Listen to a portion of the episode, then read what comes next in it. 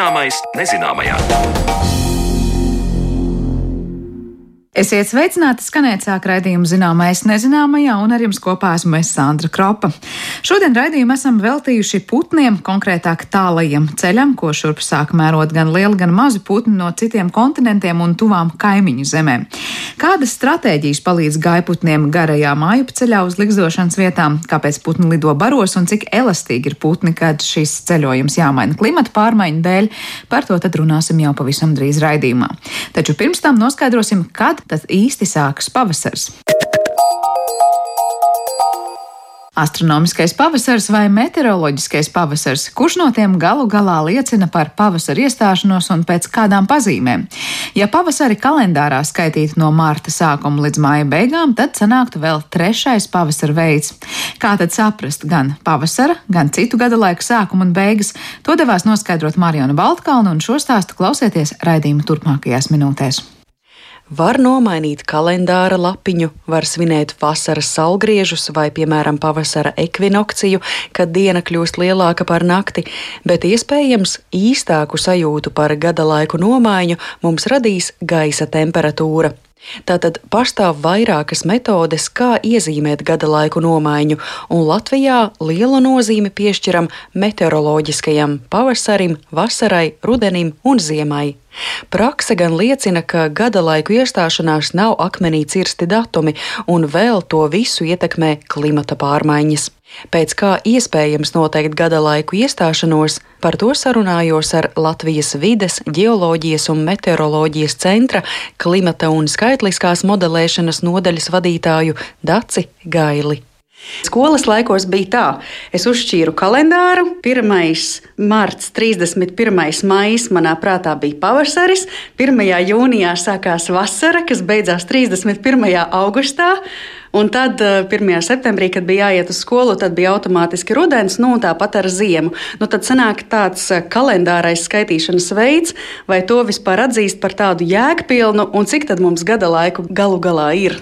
Patiesībā mēs jau arī uh, savus klimatiskos apskatus un visu mēram šajos kalendārajos gadu laikos. It kā ir šie meteoroloģiskie gadu laiki, kur arī kā, kā meteoroloģija mums klimatā varētu būt ļoti svarīgas. Protams, tā arī ir. Mēs arī par tiem runājam, bet jebkurā gadījumā mēs uh, savu ikdienu arī veltam kalendārajiem mēnešiem, kalendārajiem gadu laikiem, kuri tā tad ir šie četri tie paši iepriekš minētā vasara, rudens, eh, ziema, pavasaris. Un eh, tieši arī kā skola sākās rudenī, tāpat arī mēs eh, rudeni šeit saucam par rudeni, rudens apskatā, kas sākās 1. septembrī.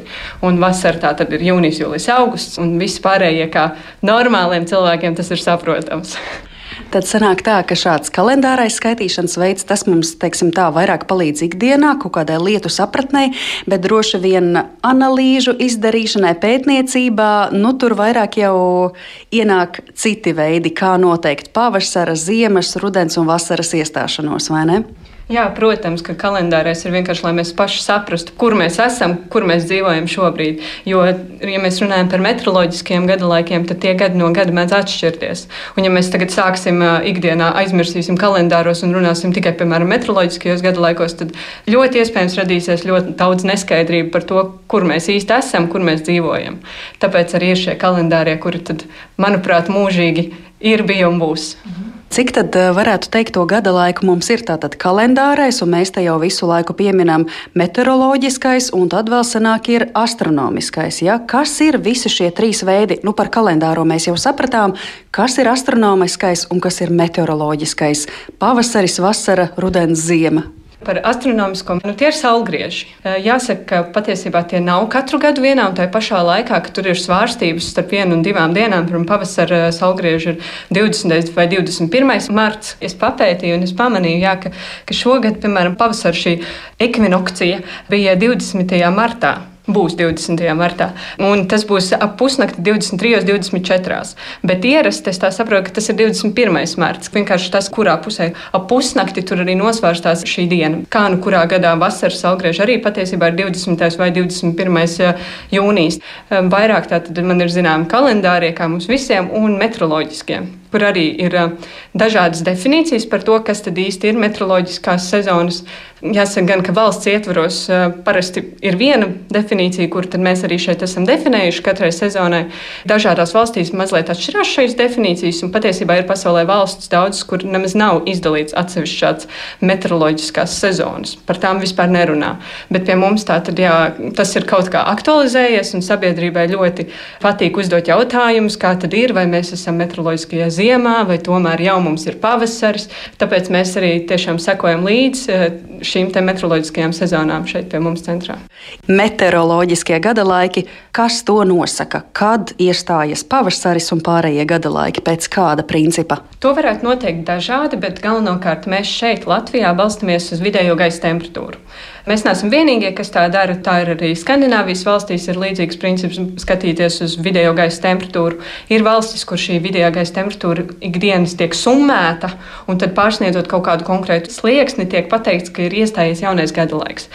Mēs gluži tā nedarām, jo tādā veidā mēs nevarētu īsti operatīvi darboties. Jo nu, var tā kā atpakaļ ejot, mēs skaitām šīs eh, vidējās gaisa temperatūras summas un varam spriest, bet īsti tagadnē mēs nevarētu runāt. Tāpēc mūsu tā definīcija vairāk ir uz to, ka piecas secīgas dienas ir jābūt kaut kādai konkrētai gaisa temperatūrai. Piemēram, ja mēs runājam par vasaru, tad vismaz piecas secīgas dienas pēc kārtas gaisa temperatūrai ir jābūt virs 15 grādiem. Un tad mēs sakām, ka ir iestājusies meteoroloģiskā vasara. Bet meteoroloģiskā vasara tad ir ar to pirmo dienu. Pirmdienā mēs sākam skaitīt, ir plus 15, otrdienā atkal plus 15, komats kaut kas. Un tad piekdienā mēs pasakām, ir bijušas šīs piecas dienas, un tad mēs sakām, ka tā pirmdiena tā bija vasara, un tagad ir sākusies meteoroloģiskā vasara. Un līdzīgi tā ir arī ar citiem gada laikiem. Tikai, protams, atšķirās šie sliekšņi. Ziemā tad ir jābūt gaisa temperatūrai vismaz 5 dienas zem nulles, lai būtu negatīvā šī temperatūra. Tad mēs sakām, ka ir iestājusies ziema. Par pavasari mēs varam spriest, ja ir 5 dienas virs nulles. Mm -hmm. Jāsaka, šobrīd mēs esam tādā interesantā varbūt, situācijā, kas ļoti bieži jau nav tā, ka visā valstī vienlaicīgi iestājās eh, kāds gada laiks. Bet šobrīd ir tā, ka patiesībā daļā no valsts jau ir iestājies pavasaris. Bet ir cita daļa, kurā joprojām turpinās ziema. Jums sākās šis pavasaris kaut kur, bet uznāca atkal tāds negatīvā gaisa temperatūra, uznāca atkal augstums un biezais sniegs. Tāpēc mēs esam arī pētījuši gada laika noturību, kāda tā ir. Piemēram, šī definīcija apstiprinās, iestājās gada laiks. Bet tā kā šajā gadījumā uzsniegs sniegs, tad cik noturīgs īsti ir šī sezona? Un šajā gadījumā varbūt šis pavasaris nav bijis visai noturīgs. It kā kaut kur lielā daļā valsts viņš pat ir, bet viņš nav noturīgs. Un rudenim kā tur ir? Un rudens savukārt ir, kad ir zem plus 15 grādiem. Principā ir jāatcerās divas vērtības - 0 un 15. Tikai tur ir tas, kurš virziens. Ziema zem 0, pavasars virs 0, vasara virs 15, rudens zem 15. Bet, nu, jā, ir, protams, arī tie gadījumi, kad uh, ziema neiestājas. Arī tā mēdz gadīties. Tad, protams, tas viss ir jāapdomā, kā mēs to varam tā korekti aptīt, kad ir pavasaris, kad ir rudens. Tāpēc mēs izmantojam arī tādu principu kā gada augstākā un gada karstākā diena, kad, piemēram, pavasaris var iestāties tikai tad, kad ir pagājusi gada augstākā diena kas šobrīd ir 6. februāris. Ja mēs iztēlojamies, ka ir silta zima un nav bijušas šīs piecas dienas zem 0 grādiem, tad zima nav. Ir visu laiku garš, garš rudens, un tad 6. februārī pēc tam mēs varam skaitīt uz priekšu un teikt, kad ir sācies pavasaris. Tādā veidā ir tāda nomaiņa starp rudeni un pavasari ziemai nemaz nesot. Bet, uh, kurā brīdī tad izvēlas par atskaites punktu to gada augstāko dienu, un tad sāksim skaitīt pavasari, vai arī mēs tomēr vadīsimies pēc tām piecām dienām, kad ir bijusi tur konstanta temperatūra? Nu, ja ir šī ziemas situācija, mēs jau visu laiku sekojam līdzi, skatāmies, vai ir tie 0 grādi vai nav. Bet, piemēram, 0 grādi tikai 3 dienas. Nu, tad mēs nevaram teikt, ka tā ir ziema, jo vajag šīs 5. Un tā ir pagājusi visa ziema, kad nekad nav bijušas 5 dienas ar 0 grādiem. Tāpēc mēs neesam saņēmuši ziemu kā tādu. Tad vajag kaut kādu brīdi, kad mēs pasakām rudens un pavasaris, jo citādi būtu jocīgi, ka mēs tagad maijā sēdētu un teiktu, ir rudens. Nu, tas tā galīgi nestrādāt. Tāpēc vajadzēja saprast kādu veidu, kā mēs varam nodefinēt definēt to, kad sākās pavasaris, un tāpēc radās šī augstākās dienas definīcija, ka pēc augstākās gada dienas, kas ir balstoties uz klimatisko standartu normu, jo katrai dienai ir kaut kāda norma, nu, kas it kā vidēji, kāda gaisa temperatūra ir tajā dienā, tad, tad eh, šobrīd jaunajā normā, kas ir no 1991. līdz 2020. gadam, augstākā gada diena ir 6. februāris. Un tad pēc tās arī mēs varam balstīties, ka augstākas dienas vidēji vairs nav. Tas nozīmē, ka paliek it kā siltāks. Un tad arī mēs eh, sakām, ka var būt tas pavasaris, ka var iestāties pavasaris. Nu, tagad tas lielais jautājums. Tā, ja mēs ņemam vērā kalendāro metodi, tad pavasaris ir jau pilnās burās. 1. martā sākās, viss kārtībā. Tad, ja būtu tā astronomiskā metode, tad mums vēl mazliet eh, jāpagaida ja, līdz kādam 20. un 21. martam.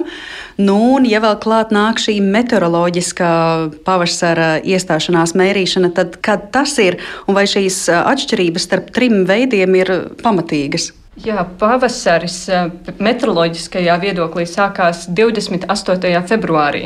Tas ir balstoties uz jaunāko normu, tātad vidēji laika posmā no 1991. līdz 2020. gadam. Tas ir 28. februāris, ir bijusi tā diena, kad ir bijusi gaisa temperatūra vismaz 5 dienas pēc kārtas virs 0 grādiem kas, protams, ir atšķirīga no piemēram, tā paša astronomiskā kalendāra, jo šī atšķirība ir gandrīz 20 dienas. Tas ir ievērojami. Un patiesībā, ja mēs tā skatāmies uz citām sezonām, citiem gadalaikiem, tad tur tā atšķirība ir diezgan līdzīga. Tās ir 20 dienas um, mēnesis, tā, tā arī tas aptuveni varijē. Bet jāsaka gan, ka laika gaitā arī šie gadalaiki ir mainījušies. Tas nav tā, ka ir bijis šis 28. februāris vienmēr. Mēs nu pat, nu pat, principā, esam pārreikinājuši šīs jaunās normas, un iepriekšējā norma tātad bija no 1981. līdz 2010. gadam, un tur savukārt pavasaris iestājās 13. martā, kas bija nu, ievērojami vēlāk. Ja mēs tagad skatāmies, ir 28. februāris, tad bija 13. marts, nu, jo vienkārši ātrāk paliek silts, un tā iemesla dēļ arī ātrāk sākās pavasaris. Tāpēc arī konstanti tiek veikts jauns pārreikins. Nu, Reizes, principā, desmit gados pārreikinot jauno normu, mēs arī saprotam un atrodam jauno pavasara, vasaras, ziemas sākumu. Mm. Es gan teiktu arī tā par tiem pašiem salgriežiem. Manuprāt, vasaras salgrieži jau visiem šķiet, ka ir jau vasaras tāds pilnbriets, ka tas jau ir vidus, ka nevis sākas vasara, bet ir vasaras vidus. Un tā arī patiesībā skatoties uz meteoroloģiskiem gadalaikiem, tā arī sanāk, jo meteoroloģiskā vasara sākas 1. jūnijā. Un tad arī liekas, ka varētu būt tāds vasaras sākums. Bet iepriekš iepriekš minētais šī brīža pavasaris. Nu, es pieļauju, ka daudz cilvēku tagad, eh, kad es pasaku, ka ir pavasaris, eh, viņi smējās, jo nu, kāds pavasaris mēs redzam sniegu aiz loga. Tāpēc eh, tas nebūtu nenozīmē, ka kaut kas sākās, ka tas ir noturīgi. Ka, protams, šī temperatūra var mainīties un atkal aiziet negatīvie grādi, un, protams, pavasarī var būt ziemīgi laikapstākļi. Kā jūs šobrīd um, vērojat vairs saistībā ar visām klimatu pārmaiņām šī nobīde attiecībā uz to, kad sākas viens vai otrs pavasaris un cits gada laiks ir vērojami izteikti? Jūs jau pieminējāt šo atšķirību, ja kas ta bija vienu gadu 13. mārts vai 28. februāris. Vai tā ir tāda tendence, uz ko mēs ejam, ka šīs nobīdes uh, nākotnē arī ļoti, ļoti grozīsies, mainīsies? Jā, tā tas ir, ka šī nobīde līdz šim jau ir uh, novērojama. Tas galvenokārt ir tā, ka uh, vasara un pavasaris sākās ātrāk, un ziema un rudens tā tad ir uh, vēlāki. Tā arī skatoties nākotnē, balstoties uz eh, klimata modeļiem, uz klimata scenārijiem, līdz pat gadsimta beigām šī nobīde ir tieši tāda pati, ka vasaras sāksies arvien ātrāk un būs arvien garākas. Savukārt ziemas būs arvien īsākas, sāksies vēlāk un nu, būs arvien vairāk gadu, ka principā ziemas nebūs. Tāpēc arī bija vajadzība pēc šī 6. februāra un mm. definīcijas par to, ko mēs darām, ja nav šīs piecas dienas ar gaisa temperatūru zem nulles. Eh, bet jā, tā tiešām ir vērojama šī nobīde tas, ka vienkārši skatoties gaisa temperatūras datu rindās, jau mēs redzam to, ka gaisa temperatūra vidēji pieaug. Un tas, protams, atsaucās arī uz šīm te, e, meteoroloģiskajām sezonām. Galvenais nevienam neieciklēties uz šiem gadalaikiem. Ja tiek pateikts, ka sākās pavasaris, tad nedusmoties, ja tomēr uzsniegs sniegs. Protams, sekot līdzi un censties e, saprast šo mainību gadalaikos bet censties dzīvot dabai pēc iespējas draudzīgāk, lai tomēr šie gadu laiki mainītos pēc iespējas mazāk.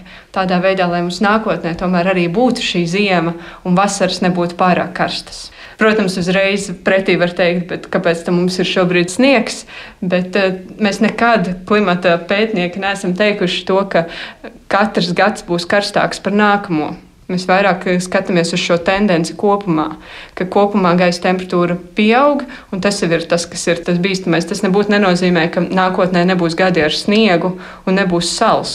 Vienkārši šādi gadījumi ar sniegu būs aizvien mazāk.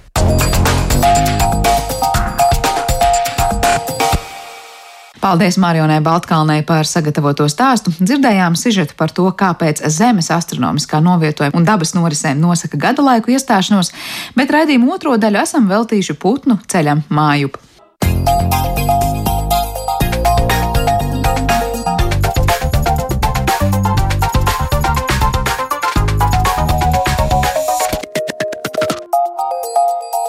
Zināmais nezināmajā. Gaiputni nenoliedzami ir signāls gada laiku maiņai. Tie rudenī pavadīti ar skumjām, bet pavasarī atgriežas kā priecīgs apsolījums jaunam sākumam dabā un arī cilvēku dzīvē. It īpaši tie, kur māju tuvumā liksdo kāds no šiem tālā ceļa mērotājiem, zina, cik priecīga vēsts ir šīs pārnotā kaimiņa atgriešanās. Kā tad putni veids šo tālo ceļu uz liksdošanas vietām un cik elastīgi tie ir, lai pielāgotos dažādiem apstākļiem? Par to šodien uz sarunu esam aicinājuši ornitologu Mārtiņu Briedi. Labdien! Labdien! Nu, mēs parasti par migrāciju runājot, daudz gribam dzirdēt, nu, kā tad putni atrod gan to savu īsto apmešanās vietu, likstošanas vietu, vai arī tad, kad dodas projām, kā, kā tas tiek organizēts un kādas pārmaiņas tie piedzīvo garajā migrācijas ceļā. Es sākšu ar tādu ļoti vispārīgu jautājumu, cik ļoti dažādas patiesībā ir putnu uh, migrācijas stratēģijas, un tad jau droši vien parunāsim par to, kādas tās ir. Jā, droši vien, ja mēs domājam par migrācijas stratēģijām, ir vairāk aspekti kur putni atšķirās, kā tās stratēģijas izpaužās. Viens droši vien ir, uz kurien lido tāds konkrētākais, kas nāk prātā droši vien pirmais.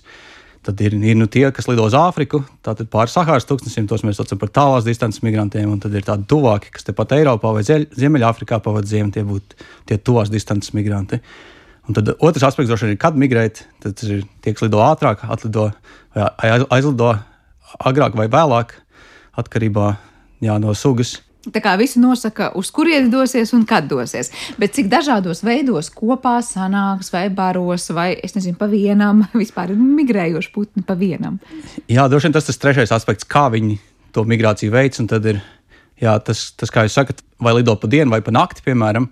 Lielākā daļa putnu ir nakts migranti patiesībā, tagad aptuveni 80% sugu patiesībā mēs neredzam, kā viņas aizlido, jo viņas to dara tikai naktī. Un tad ir tā otra grupa, tie 20% plus mīnus, kas lido dienā, un tie būtu lielākā daļa no viņiem. Būtu tie, kas vācās baros un lido kopīgi. Tad naktas migranti vairāk būtu tādi individualisti. Jā, lielākā daļa naktas migrantu lido vienatnē. Droši vien tā tā bara sajūta ir savādāka, kad lido tumsā, 3 km augstumā, vai tu vari uzturēties blakus tam savam sugas brālim, vai nē, droši vien ir savādāk nekā dienas laikā. Orientēšanās telpā droši vien arī ir mazliet citādāk tajā nakts, nakts vidē. Bet runājot par tiem, kas dodas, nu, sāksim ar tiem nakts migrantiem, ja tas procentuāli bija diezgan ievērojams skaits. Kas nosaka to, ka tā būs tieši nakts, un kuri tad ir tie izteiktākie nakts migranti? Jā, droši vien viens ir tas, ka lielākā daļa plēsēju ir aktīvi dienas laikā. Tas nozīmē lidot naktī nedaudz drošāk, tev nav zvirbuļvanaks virs tevis un nemēģina tevi nomedīt naktas laikā. Tas noteikti ir viens aspekts, otrs aspekts, kas varētu būt tā ir orientācija, tā kā, kā viņi atrod to ceļu, kur lidot. Un tad nakts varētu būt, būt tādā ziņā labi, ja, ja putni izmantot šo te, tā saucamo zvaigžņu kompasu. Tas nozīmē, viņi skatās, kuras zvaigznes atrodas kur, un tas ir tas veids, kā viņi atrod, kur tieši viņiem lidot, un to dienas laikā neizdarīt. Tā kā orientēšanās un, protams, pasargāšana sev no briesmām, bet savukārt tie, kas ir pa dienu, var teikt, tas bars viņus pasargā no tiem plēsējiem citiem vai kā. Nu, vai, vai tur vienkārši to plēsēju dienas laikā uh, būs, būs mazāk tām sugām? Jā, tiem, tiem dienas migrantiem, kas lido barā, ir arī vairākas priekšrocības. Arī tam viens ir, jā, ka plēsēji ir aktīvi, bet tajā brīdī, kad bars sastāv no simts putniem, tad šim plēsējam būtu jākoncentrējas uz vienu kādu konkrētu individu, lai viņš varētu viņu noķert. Tas nozīmē, ka tas bara efekts tajā brīdī, kad putni sāk pajukt dažādos virzienos, šim plēsājam arī kļūst grūtāk koncentrēties uz vienu konkrētu īpatni, lai viņu noķertu. Un otrs noteikti ir kaut kāds sociālais aspekts, kas šajā barā var palīdzēt sugām vai teiksim, individiem, kas ir nu pat pavasarī šķīlušies, kas veic savu pirmo migrāciju. Varbūt viņiem šis te iekšējais dzinulis nav tik precīzs, kas nozīmē, ka viņi var skatīties, ko dara citi un sekot viņiem migrācijas laikā, lai atrastu pareizās ceļus un ziemošanas vietas. Te mēs nonākam pie tā jautājuma, cik ļoti apmācīti putni ir darīt to, ko viņi dara migrācijas laikā, un cik daudz tas ir jau tāds iedzimts instinkts kaut nu, sekot un zināt, kur un kurā brīdī doties. Uh, bet tā būšana barā, var teikt, tā ir tā pirmā nozīmīgā apmācība, arī pirmā migrācija putnam dzīvē būs tā, kuras laikā viņš iemācīsies, kā to darīt, vai patiesībā viņš jau ir gan labi sagatavots. Gan, gan droši vien jāsaka, ir, ir sugas, kas tie, tie paši naktas migranti, jau iepriekš minētie, kas lido vienatnē, viņiem šīs apmācības iztrūkst savā ziņā. Viņi tāpat atrod tās zemošanas vietas arī, arī lidojot naktī. Bet šiem dienas migrantiem jā, ir tas ģenētiskais aspekts joprojām diezgan spēcīgs, kas nosaka to, kur un kā migrēt. Bet arī šis te uh, bara instinkts var palīdzēt noteikt, okay, kur ir tās vietas, kur būtu nedaudz jāpiestrādā pie tās, pie tās pareizā ceļa atrašanas. Teiksim. Tad droši vien daudz mēs varam runāt par to, kā atrast pareizo ceļu un kas ir pareizs un nepareizs ceļš putnam un cik nepareizs ceļš var dārgi maksāt. Bet uh, es iesākšu savu jautājumu loku ar to, nu, kādas ir tās pieturvietas, nezinu, pieņemsim, tālajiem migrantiem. Ir vairāk kā skaidrs, ka tur arī ļoti, ļoti droši vien liktenīgi jāzina, kurā brīdī apstāties. Uh, paēst, padzerties, atpūsties. Kurā brīdī to labāk nedarīt, cik vispār tālas ir tās atstatuma, attāluma vietas, cik tas putns bez apstājas var veikt, un vai tās ir tādas nemainīgas vietas kartē, kur mēs varam teikt, nu, ja reiz tas tālais migrants, nu, piemēram, stārķis, tur uh, vienmēr piestās tajās un tajās un tajās uzturēšanās, tādās pauzēs. Jā, tās, tās lielākās apstāšanās vietas tajā migrācijas ceļā pārsvarā jau ir viens un tās pašas, plus mīnus ja mēs skatāmies Āfrikas migrantus, kas lido tur uz Dienvidāfriku vai Kamerūnu vai, vai tādām vietām, ir, ir divas lielas barjeras, kas viņiem jāpārvar. Viens ir vidusjūra, kur var izvēlēties vai nu lidot pāri, vai lidot caur salām, vai lidot apkārt. Un otrs, tad, tas lielākais ir Sahāras tūkstnesis, kas nozīmē, ka tam arī ir jātiek pāri. Un tas, kā putni veids šos garos pārlidojumus, ir viņi apstājās apstāšanās vietās uz ilgāku laiku, uzkrāja tauku rezerves, kas principā viņus, viņiem palīdzēs dot enerģiju, lai viņi varētu tikt pāri šim Sahāras tūkstnesim, piemēram. Kas nozīmē uz ilgāku laiku? Šajā gadījumā tās ir dažas dienas vai tās ir nedēļas? Tās varētu būt nedēļas pārsvarā. Cik mēs redzam no, no tiem datiem, ko mēs esam ieguvuši, tā varētu būt kāda viena, divas nedēļas, kad putni apstājās pirms Sahāras čērsošanas un tad sagaida pareizos laikapstākļus pirms lido. Un, ja mēs runājam par lidojumu ilgumiem, tad es pieļauju, ka ja tā no galas mēģina atcerēties, tad rekordisks ir niedru strasts, ko mēs esam redzējuši mūsu datos kur viens putns lidoja 44 stundas bez apstājas, līdz viņš beidzot nolaidās. Otrā pusē sākās tūkstotis. Tas nozīmē, principā, divu dienu nepārtraukts lidojums. Tad divās dienās šis putns šķērsoja visu Sahāru? Jā, šajā virzienā no, no dienvidiem uz ziemeļiem. Tas atšķirsies no dienvidiem uz ziemeļiem vai ziemeļiem dienvidiem, kādas tur šķēršļu joslas jāpārvar, vai kas ir grūtāk tam? Jā, bišķiņi atšķirās, jo tie valdošie vēji, ko putni ļoti labi spēja izmantot, atšķirās pavasarī un rudenī, un tie virzieni atšķirās. Un tas no pavasarī šī Sahāras tūkstoša šķērsošana ir nedaudz ātrāka, jo, jo lidojumos palīdz vējš, kas nozīmē, ja mums ir ceļvējš, putni var lidot tāds Niedras trasts vai mājas trasts vidē lido aptuveni ar 50 km/h. Ja mēs pieliekam pavēju, tie var būt pat 100 km/h attiecībā pret Zemi.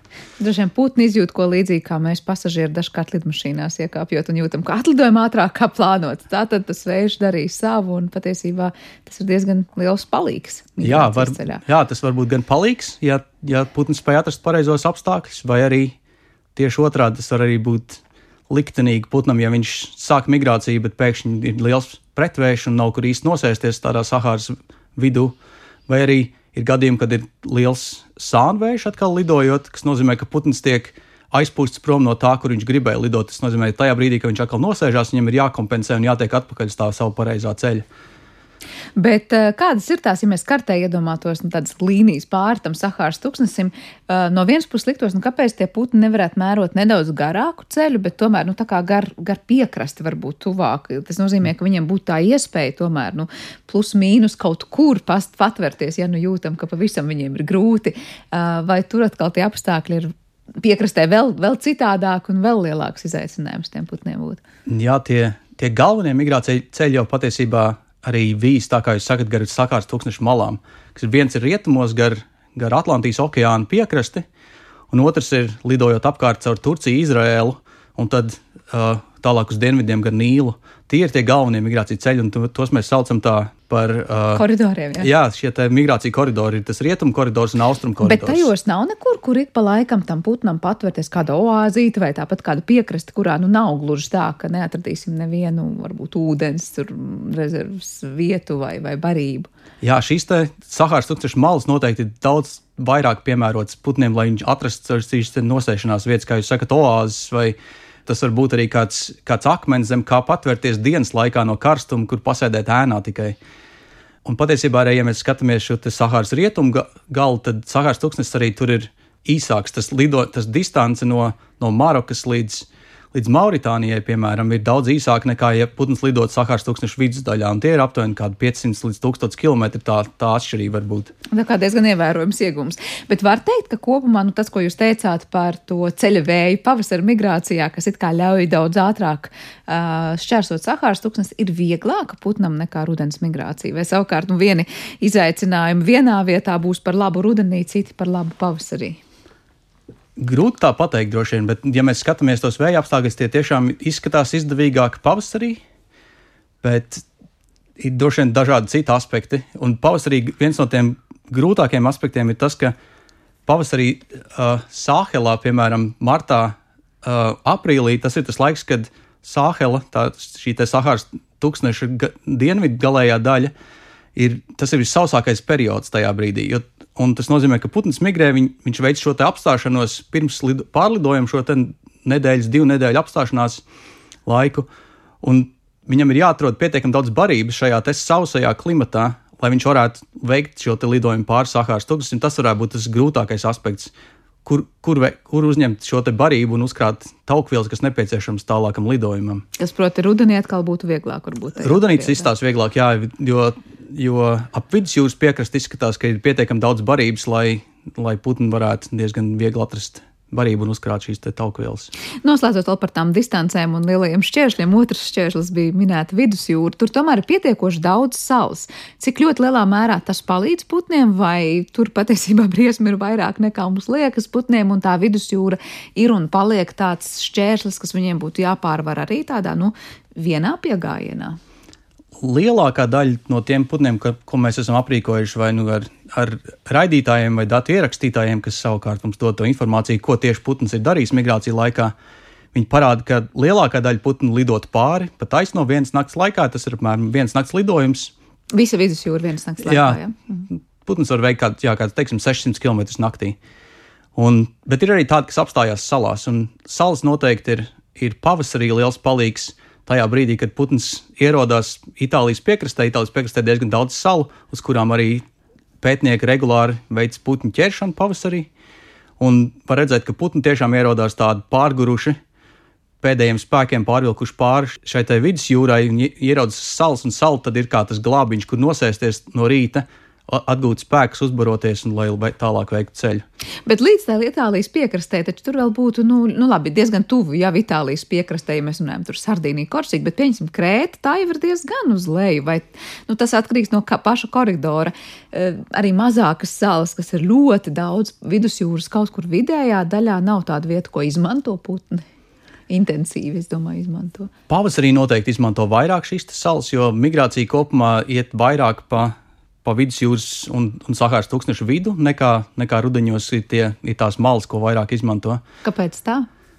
Tie atkal varētu būt valdošie vēji vai, vai kas. Vai, ir arī viņa atšķirība. Tas mērķis, tā, kad, tā, kad putns migrē rudenī, viņa galvenais motīvs droši vien ir izdzīvot, kas nozīmē jānonāk zemošanas vietā un laicīgi, bet, bet arī droši. Pavasarī atkal ir tev ir laicīgi jāierodas likstošanas vietā, pirms tavas labākās teritorijas šeit ir aizņemtas. Tas nozīmē, ka tieši tā, ka, ka tur tā lieta, ka putnam vajag, vajag atlidot pietiekami āgri, tas nozīmē, tas dzinulis. Veikt migrāciju ātrāk ir bijis spēcīgāks pavasarī, un to mēs arī redzam datos, ja mēs skatāmies no no punkta A līdz punktam B, principā kā putns aizdo no zemošanas vietas līdz līgzošanas vietai vai atpakaļ, tad pavasarī šīs laiks sprīdis ir īsāks nekā rudenī. Tā kā saņēmušies ar putni un var teikt pārvar grūtības daudz vairāk. Runājot par tām grūtībām, kas putniem ir jāpārvar un sāksim ar to ierašanos eh, līgzošanas vietā, nu mēs ļoti bieži arī pavasarī tagad arī domājam tie, kas jau vien ierodas jau gājputni pie mums un mēs sakam, apēkšņi ir sniegs vai pēkšņi ir augstāks nekā varbūt citus gadus tajā vietā, cik ļoti piemēroties spēj spējīgi ir putni tam, ka viņi ierodoties saprot, mm, mm, atlidojam mazliet par ātru, nav vēl īsti īstais laiks. Viņi šeit uz vietas kaut kā cieš, viņi vienkārši nedaudz palido atpakaļ, vai tur savukārt nav tik vienkārši tā vienu dienu šurp, vienu dienu turp mainīt to atrašanās vietu. Jā, tas droši vien atšķirīgi šiem te, ko es pieminēju, tālās un tuvās distances migrantiem. Tie tuvās distances migranti, kas ziemoti pat Rietumē, Eiropā, viņiem viņi saņem šo informāciju par to, kāda ir laikapstākļi principā Rietumē, Eiropā. Un viņi diezgan labi ko korelē ar to, kāda ir laikapstākļi šeit Latvijā. Tas nozīmē, ka tad, kad rietumē paliek silts, šie putni sāk migrēt un principā seko šim siltuma vilnim. Droši vien tagad marta vidū, marta beigās ieradīsies šīs pirmās migrējošās sugas. Viņas būs, lai gan šogad liekas, pavasaris ir vēlu, arī šie migranti ieradīsies līdz ar to vēlu. Un, un šī situācija bija viņa savādāk, atkal tālās distances migrantiem. Ja, piemēram, brūnspērni ķauģis ziemo Kamerūnā, viņš skatoties uz laikapstākļiem, kāda ir Kamerūnā, viņš diez vai saprot, kad Latvijā šeit mums iestāsies pavasaris, lai viņš varētu liksdot. Tas nozīmē, viņš paļaujas vairāk uz šo iekšējo dzinulu, uz ģenētisko informāciju, uz dienas garumu, kas noteiks to, kurā brīdī viņš sāks migrāciju. Bet tas būs dienas garums, nevis kaut kāda sajūta, kad ir uh, laikapstākļi piemērot. Nu, viņš nejutīs Eiropu, bet, piemēram, nu, nezinu, sajūta, ka tagad ir mārts, aprīlis vai maijs, nu, katrā ziņā tas putnam kaut ko nozīmēs. Cik lielā mērā tas, kā mainās uh, laikapstākļi, mainās klimats, tad ietekmē ietekmēs tos tālos un tuvos migrantus. Nu, tuvie būs, var teikt, vieglāk piemēroties spējīgi. Jā, noteikti. Tas arī tas, ko mēs redzam pēc pētījumiem, ka tuvās distances migranti šim pavasarim paliekot aizvien agrākam mums tagad pēdējās desmitgadēs, ka tuvās distances migranti pielāgojas daudz vienkāršāk šīm pārmaiņām. Viņi joprojām liela daļa nespēja tikt līdz tam tempam, kādā tas mainās. Uh, Bet šie tālās distances migranti tie tiešām ir, ir tādā bēdīgā situācijā, skatoties no tā, cik strauji šobrīd ir klimata pārmaiņas. Jo, lai viņu, viņi pārsvarā paļaujas šo ģenētisko iedzimto informāciju tam, kurā brīdī uzsākt migrāciju. Un šie iekšējie pulksteņi, kas putniem ir patiesībā ir ļoti, ļoti jūtīgi. Mēs pat nespējam kā cilvēki iedomāties, ka putns var sajust dažu minūšu atšķirību dienas garumā, lai saprastu, ka viņam jāsāk migrēt. Ir. Un pielāgoties šīm notiekošajām straujām klimata pārmaiņām ir diezgan pagrūti. Tam ir vajadzīga šī iedzimtība tam, ka šī ģenētiskā informācija tiek pārmantot tādā veidā, ka katrā populācijā mums ir variācija. Mums ir agrāk likstojoši īpatņi un vēlāk likstojoši īpatņi. Tas nozīmē, ka tie īpaņi, kas liksto agrāk, viņiem būtu no paudzes paudzē jānodod tālāk savu ģenētiskā informācija, ka agrāk ir labāk, principā, lai šīs pārmaiņas notiktu sugas ietvaros. Tas nozīmē, Jā, šīs pārmaiņas notiek daudz lēnāk, un tam ir nepieciešams. Tas ir ģenētisks pārmaiņas bet vairāk nekā mēs, mēs pielāgošanās. Bet mēs varam gaidīt, ka la, nevis agrāk ir labāk, ar laiku putniem liksies izdevīgāk, bet ka viņi sapratīs no paudzes paudzē, un ja tāpat sapratīs pēdiņās, es saku. Uh, labāk ir droši paliek droši izlidot vēlāk, jo iespējams ierodoties, piemēram, Latvijā, šeit vēl būs sniegs. Lai gan liktos, ka nu, ar tavu visu dienas garumu, ko viņi sajūt Āfrikā un to mm. ģenētisko pulksteni, vajadzētu būt jau labi. Uh, nebūs tā, ka gadu no gada sastopoties ar to izaicinājumu, ierodoties, ka vēl ir par augstu, putni sāks kaut kā vēlāk migrēt pie mums. Mm, šaubos, ka, ka tā tendence būs migrēt vēlāk. Tieši ja mēs skatāmies datos, tad tieši otrādi ir tā, ka mēs redzam, ka šīs pārmaiņas notiek, un tie veiksmīgākie indivīdi ir tie, kas ir tie agrākie, jo viņi ierodās pareizajā, tuvā, tuvāk pareizajam laikam, lai atkal pielāgotu to, kad, to brīdi, kad viņiem liksdā ir mazuļi, ar to brīdi, kad ir pieejams vairāk barības apkārt. Bet kā ar to saskaršanos, ka mums, mēs labi sakam, pavasarī mums ir agrāki, bet kaut kā, nu, nu īpaši šogad mums liekas, mm. ka nē, nu citus gadus jau nu šajā laikā sniega vairs nebija vai bija krietni siltāks. Un ir tā sajūta pašiem, ka, nu, nu iesākas varbūt mazliet par vēlu tas pavasars gadu no gada. Tā ir mānīga sajūta, un joprojām varam teikt, putni, kas ierastos marta sākumā, piemēram, jau būtu, mm, var teikt, ieguvēji salīdzinot ar tiem, kas ierodas marta vidū un beigās. Ne, noteikti ir, ir tie gadi, kad, kad šis pavasaris atnāk vēl, kā šobrīd mums liekas. Un tajā brīdī droši vien šie te, ta, tie individi, kas atlido visagrāk, droši vien cieši no mirstības daudz augstākā līmenī, kas nozīmē, ka šī ģenētiskā pārmantotība tiek nedaudz izjaukta, kas nozīmē, ka šis gēns, kas nosaka to, ka atlidot agri ir labi, tiek nedaudz izņemts ārā no populācijas, tā teikt. Kā mēs sagaidām, tad, kas mainīsies? Nu, labi, viena lieta ir tas, ka varbūt pamazām tie putni citādāk sāks to migrācijas ceļu, bet viss tā pārējā sistēma, kas mainās, tad, kad ir tas pieejamais barības daudzums un savukārt piemērotākie liksdošanas apstākļi un savukārt promdošanās laiks arī, vai tas kļūs ātrāks, agrāks un jāiz, jāpaspēj izaudzināt mazuļi līdz lidošanas uh, migrācijas spējām krietni īsākā laikā, sanāk mainoties klimata pārmaiņām. Mm. Vai gluži otrādi, laika kļūst vairāk putniem? šķiet, ka laika kļūst vairāk putniem, jo mēs redzam arī tiem tā, tipiskajiem tālās distances migrantiem. Lielākā daļa, put, lielākā daļai sugu ir viens perējums Latvijā.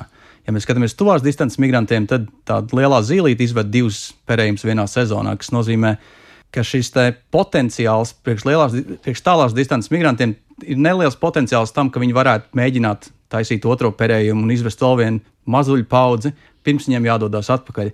Tas, ko mēs redzam datos, ir tomēr, ka šie tālās distances migranti, tiklīdz viņi ir izveduši mazuļus, viņi jau pazūd no Latvijas. Tā kā mēs, ja mēs skatāmies stārķus, tad principā septembra sākumā jau pļāvās vairs nav stārķi, kas nozīmē, lai gan te barības droši vien vēl tajā brīdī ir pilnam. Lielākā daļa putnu ir aizlidojuši. Ja mēs skatāmies tuvās distances migranti, tad tie atkal paliek bišķiņi ilgāk tajā rudenī, līdz uznāk tas lielais augstuma vilnis, kas viņus aizdzen projām no šejienes. Tad mēs varam teikt, ka ainava patiesībā tuvākajos gados un tālākajos gados krietni atšķirsies, ko mēs redzam rudenī vai pavasarī.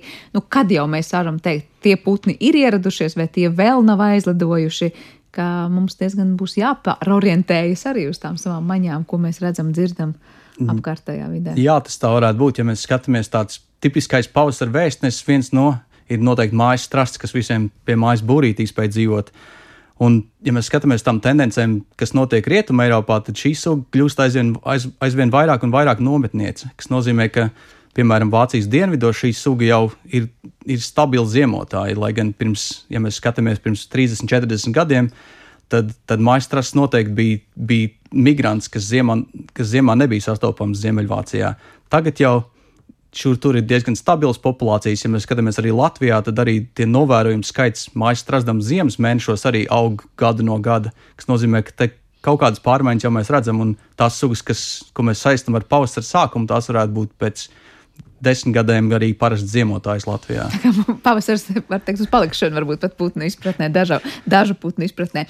Bet eh, pirms brīža, kad mēs te piesaucām tos tuvos migrantus, kuriem it kā pielāgoties tām klimata izmaiņām ir vieglāk salīdzinot ar tālajiem migrantiem, proti, nu, kaut kur rietumē Eiropā putns saprot, ka ir labi laikapstākļi, nu, tad var lidot uz Latviju. Bet cik liela nozīme ir tam, kā atšķiras tie laikapstākļi, nu, piemēram, tādās distancēs kā Latvija un tiešām centrālā Eiropa?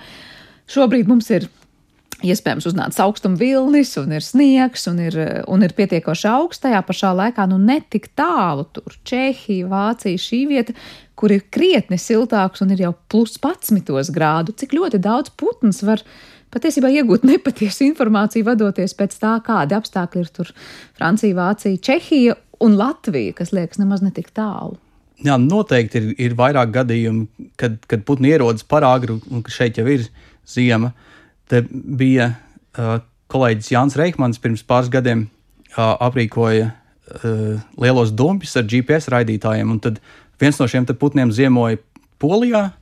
Un jau februāra sākumā tika atlidojis Latviju, bet tad uznāca liels, liels augstuma vilnis, un putns izdomāja, nebūs labi un aizlidoja atpakaļ uz, uz Poliju. Pagaidīja vēl tur kādu mēnesi vai, vai trīs nedēļas, pirms atkal veids to pašu migrācijas periodu. Principā, Patiesībā viņš to ceļu mēroja divas reizes. Tieši tā, vienā pavasarī divreiz, bet šī pielāgošanās, tas, tas parāda to, ka putns spēja pielāgoties diezgan labi tam. Ja te kaut kas strauji izmainās, vai uznāk kaut kāds cīruļu putekļs, ko mēs saucam, ka viņi spēja paldot brīdi, gabaliņu atpakaļ pagaidīt un pēc tam veikt šo migrācijas soli vēlreiz. Un pat ja tas gabaliņš atpakaļ ir tevi viss migrācijas ceļš Eiropas mērogos, tas putnam nav liktenīgi.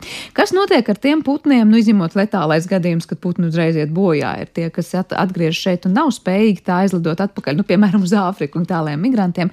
Eh, vai viņi mēģina kaut kur paslēpties, es nezinu, un tomēr meklēt pat zem sniega kaut ko ēst, vai tā ir kaut kāda stratēģija. Es tagad sevi nezinu, cik ļoti, protams, varu ieziemot un maksimāli nekustēties un, un netērēt enerģiju.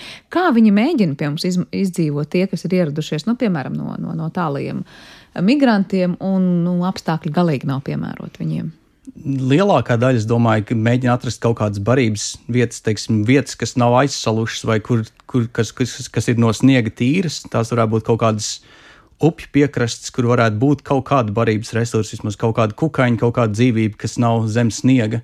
Un, un šie te, jūs, ja, ja tādi gadījumi notiek, tad redzēt, ka šīs sugas un īpaņi koncentrējās šādās vietās, kas ir tiešām, kas, kas nav pārklāts ar sniegu un kur varētu būt kaut kādas barības rezerves pieejamas vēl. Bet viņiem ir tāda sadzīvošana barā, tajā brīdī ir kaut kāds izdzīvošanas mehānisms, vai tur katrs par sevi mēģina tikt galā ar dzīves izaicinājumiem? Es tā nepateikšu uzreiz, bet, bet noteikti novērojami viņi varētu būt barā, jo tas, šīs vietas, kurās vēl barība ir pieejama, varētu, varētu būt tās, kas, kur koncentrējas dažādi sugi, dažādi īpaņi. Un tas varētu būt tādas tiešām koncentrācijas vietas putniem tajā brīdī, lai izdzīvotu, bet vai viņi to šis bars veidojās dēļ tā, ka tur ir šis resurss, vai, dēļ, vai viņi savācās barā pirms tam, droši vien ir jautājums bez atbildes vēl šobrīd. Mm, bet labi, barība, protams, viņiem ir svarīga, un jautājums, nu, ja nav barības, tad pavisam bēdīgi klājas putnam. Kā ir ar temperatūru? Nu, piemēram, ja viņš atrod tas putns to barību, bet uh, temperatūra ir ļoti, ļoti zema, un te ir sniegs, cik tas ir liels izaicinājums putnam? Ja viņam izdodas paēst. Temperatūra nav tas lielākais izaicinājums katrā ziņā. Bar, ja barības resursi pietiek, tad arī šie sugas, kas ziemo Āfrikā, kur droši vien ir silts laiks visu ziemu, viņas, ar, viņas arī diezgan labi var izdzīvot. Ja ārā ir ap 0 grādu, ja, viņ, ja putns ir paēdis, viņam ir silts. Nevajadzētu būt pārāk lielām problēmām. Ja šeit pēkšņi ir nakts sāli ar mīnusiem, tas eh, ko maina putnam, ja viņš jau ir ieradies? Droši vien daļai jā, ja ir šī ir šie vājākie indivīdi, kas ir novārguši, novārguši no migrācijas, tiem noteikti šie, šie mīnusgrādi varētu ietekmēt to, cik labi viņi spēj pārlaist nakti. Bet, ja putns ir labi paēdis un viņš ir vesels, principā nevajadzētu būt tā, ka šie mīnusgrādi nodara lielu kaitējumu. Nu, katrā ziņā es ceru, ka putni, kas ierodas Latvijā šogad, es nezinu, laikus par agru vai par vēlu, kāds tiešām nesaskarsies ar ļoti daudziem liktenīgajiem sev um, nu, nu, notikumiem un situācijām, bet mēs sarunas sākumā vēl piesaucām šos te barā lidotājus. Vēl gribēju vaicāt, kādas ir tās stratēģijas, lai savāktos barā un cik ļoti viņi, es nezinu, pēc kā vadās, kad tas bars ir pietiekoši gatavs doties ceļā, vai, vai viņi zina, ka ir kaut kāds, nezinu, limits, cik barā drīkst būt putni, vai savukārt, ja tur vēl tikai daži putni, viņi gaida citus pievienojamies, vai kā tas notiek? Droši vien viņi atrod viens otru. Jā, varētu būt, ka sasaukšanās ir tas veids, kā, kā putns saprot, ka tur atrodas. Ja, ja laukā, piemēram, ir zosis un citas zosas baras lido pāri, tad viņas noteikti sasaucas, un, un tad varētu būt, ka šie bari apvienojas vienā. Bet tas, kā šis bars izdomā lidot projām, tas varētu, varētu vienmēr nenotikt arī tā, ka visas baras aizlido vienlaicīgi. Ja viņiem putniem ir šis iekšējais dzinulis, ka vajadzētu migrēt. Tā kā ir pareizā sezona, pareizie laikapstākļi, bet varbūt barā visi putni nav tajā brīdī pēduši pietiekami ar pietiekamām tauku rezervēm, lai varētu veikt šo nākamo migrācijas lidojumu. Tas nozīmē, ka ir noteikti arī gadījumi, kad šis bars sadalās. Tas ir novērots piemēram brīdēju putniem, kad jūras krastā barojas nezinu, simts melnās puskojiteles vienā barā. Un no, Un mēs varam redzēt, ka notiks migrācija. Mēs redzam, ka daži putni ir nemierīgi, viņi tā kā staigā vairāk apkārt, sāk lidināties. Un tad, tajā brīdī, kad bars paceļās un aizlidot, tie nav visi putni, arī tie, kas paliek tajā pašā vietā. Tas nozīmē, ka daļa putnu bija gatava migrēt, daļa putnu vēl nebija.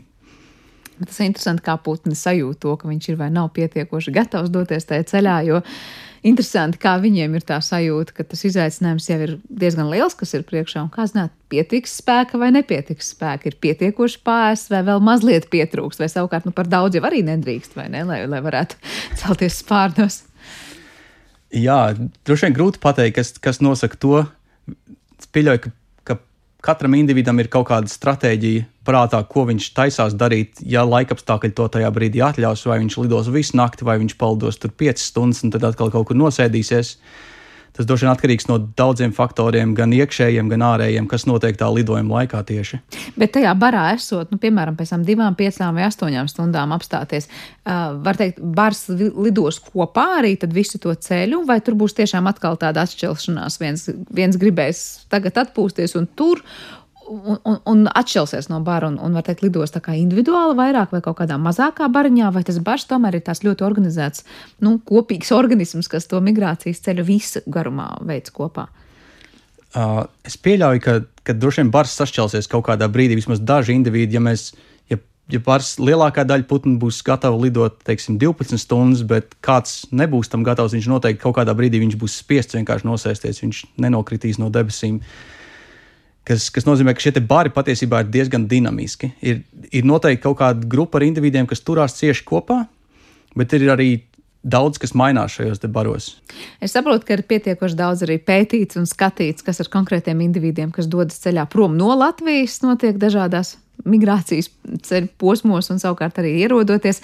Kas ir šobrīd tie aktuālākie pētījumi, kas notiek par kuriem putniem, kur varbūt ir tā interesantākā, lielākā interese veikt to uzskaiti, kas kur, kad ierodas un kas ar tiem notiek? Mums ir tādi Latvijas Universitātes bioloģijas universitāte ir tādi divi lielāki migrāciju pētījumu virzieni, ko mēs pašlaik veicam.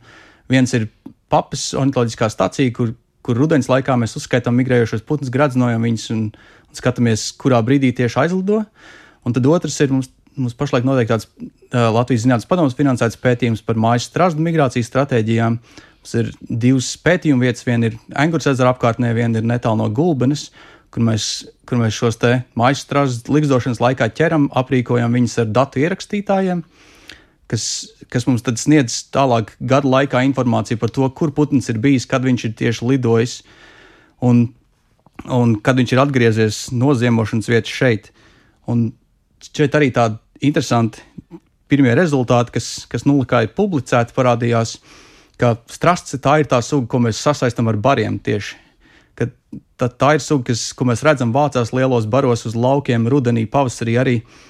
Bet šie datu ierakstītāji parādīja to, ka patiesībā, uh, lai gan mēs varam redzēt, ka, ka mājas strāzda lido no rītiem migrācijas lidojumos barā, lielākā daļa no migrācijas šie Latvijas putni pārsvarā lido uz zemošanas vietām Anglijā, un lielāko daļu lidojumu veids naktī tieši.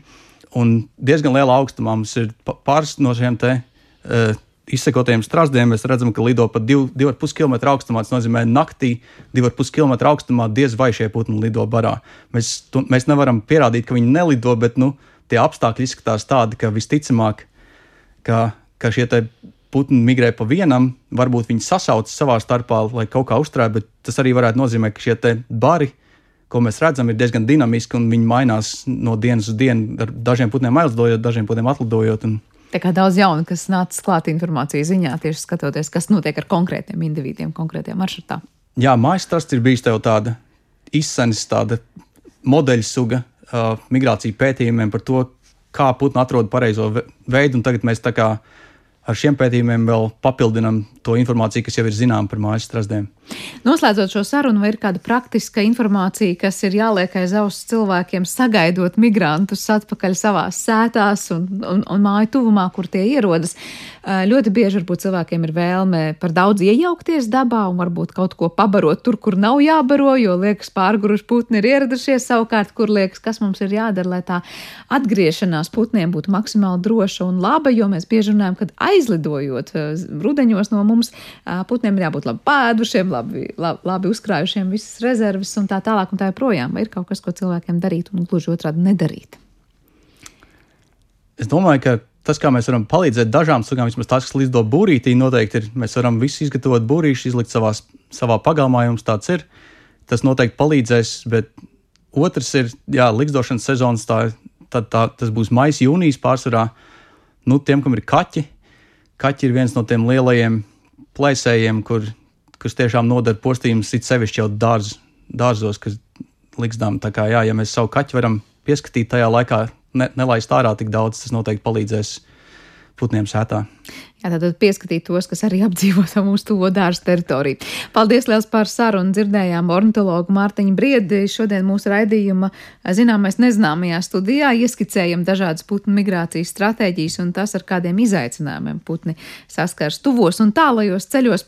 Ar to arī raidījums ir izskanējis un paldies par to producentei Paulai Gulbinskai mūzikas redaktors šai stundā bija Girds Bišels, bet šeit Cāno bija skaņu režijā un es Sandra Kropa studijā un ko vēlēsim laikam jauku atgriešanos putniem un gaidīsim gaidīsim visus migrantus atpakaļ.